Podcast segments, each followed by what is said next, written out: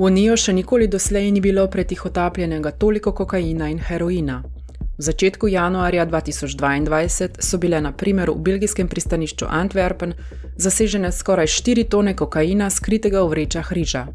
Žal pa Evropska unija ni zgolj tranzitno območje, temveč se v njej droga tudi proizvaja in uživa, zlasti sintetične droge, kot so amfetamini in ekstazi. Poleg tega evropski trg s kokainom velja za enega največjih na svetu. Poslušate program Novi izzivi, boljša zakonodaja. V tem prispevku bomo govorili o boju Evropske unije proti proizvodnji, trgovini in uživanju prepovedanih drog.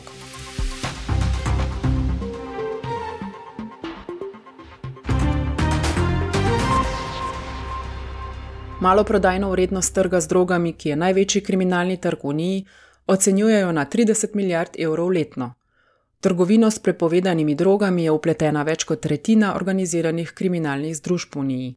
Za mnoge pa ta trgovina predstavlja velik vir dohodka. Problem je vse večji in vedno bolj zapleten. V času pandemije koronavirusa se je trg z drogami še dodatno razvil in je veliko vlagal v tehnologijo in digitalna sredstva. Organizirane kriminalne združbe hitro uvajajo inovacije in želijo izkoristiti nove priložnosti. Tako so se na primer vtihotapile v logistične dobavne verige, pomorske poti in velika pristanišča, ki jih uporabljajo za prevoz mamil po Evropi. Uporabljajo tudi trgovinske dostavne storitve in avtomatizirana zbirna mesta, ter pogosto poslujejo in plačujejo v digitalnih valutah. To pomeni, da lahko uživalci drog drogo zdaj naročijo na družbenih omrežjih in plačajo prek spleta, pošiljka pa je dostavljena na prevzemno mesto. In vse to v le nekaj klikih. Pojav je tako postal globalen in pomeni resno grožnjo za čezmejno varnost, pa tudi vedno večji izziv za varnostne organe. Problem ni samo nasilje, ki spremlja trgovino z drogami, temveč tudi povezave z drugimi kriminalnimi dejavnostmi, ki povzročajo veliko gospodarsko, politično, okoljsko, socialno in družbeno škodo. Naprimer, z finančnega vidika trgi z drogami podpirajo obsežno sivo ekonomijo, povzročajo gospodarsko odvisnost in uničujejo lokalne skupnosti. Z političnega vidika ima lahko korupcija negativen učinek na upravljanje in pravno državo. Z okoljskega vidika pri proizvodnji sintetičnih drog nastajajo velike količine nevarnih odpadkov, gojenje konoplje na prostem pa škoduje rastlinstvo in živalstvo. Z socialnega vidika uživanje drog škoduje tako tistemu, ki jih uživa, kot njegovi okolici. Z družbenega vidika pa je vedno več nasilja, ki močno ogroža tudi čezmejno varnost saj se v nekaterih državah članicah izrazito povečuje konkurenca med različnimi dobavitelji drog. Evropska unija se tega problema dobro zaveda. Od 90-ih let prejšnjega stoletja je vse bolj dejavna, zlasti na področju kazenskega pregona, zdravstvenih vprašanj ter pri odkrivanju in ocenjevanju tveganj novih psihoaktivnih snovi.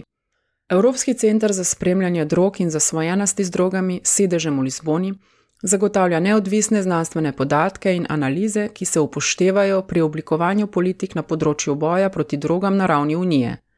Dve od njegovih najpomembnejših publikacij sta letno Evropsko poročilo o drogah in poročilo o trgih z drogami v Uniji, ki ga center izda v sodelovanju z Europolom. Poročilo iz leta 2019 organa upozarjata zlasti na to, da so povsod po svetu vse bolj dostopne naravne in sintetične droge postajajo močnejše in čistejše, pa tudi vse cenejše. Poleg tega se ocenjuje, da svetovna proizvodnja snovi, kot so kokain v Južni Ameriki, heroin v Afganistanu ali konoplja in sintetične droge v Evropi, dosega zgodovinsko visoke ravni.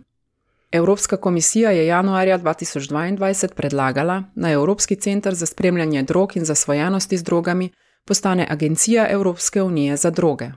Če Evropski parlament in države članice projekt odobrijo, bo agencija imela več pooblastil in sredstev.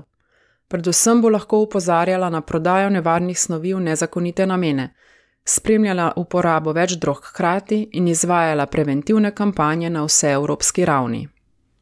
Poleg tega bo še naprej tesno sodelovala z Evropsko agencijo za zdravila, Agencijo Evropske unije za pravosodno sodelovanje v kazenskih zadevah in Europolom. Čeprav so za oblikovanje politike in zakonodaje na področju drog v prvi vrsti odgovorne države članice, je tu bistvenega pomena mednarodno sodelovanje.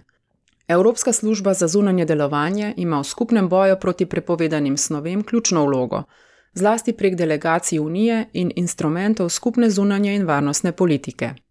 Evropska unija torej razume, da boj proti tej nadlogi poteka na svetovni ravni, kar zahteva čas in znatna sredstva. Unija svojo mednarodno dejavnost osredotoča zlasti na zmanjševanje ponudbe in sodelovanje organov pregona. Spodbuja pa tudi alternativni razvoj ter boljše zdravljanje in oskrbo uporabnikov. Prav tako blaži najbolj represivne odzive na uživanje drog, pri čemer spoštuje človekove pravice in človekovo dostojanstvo.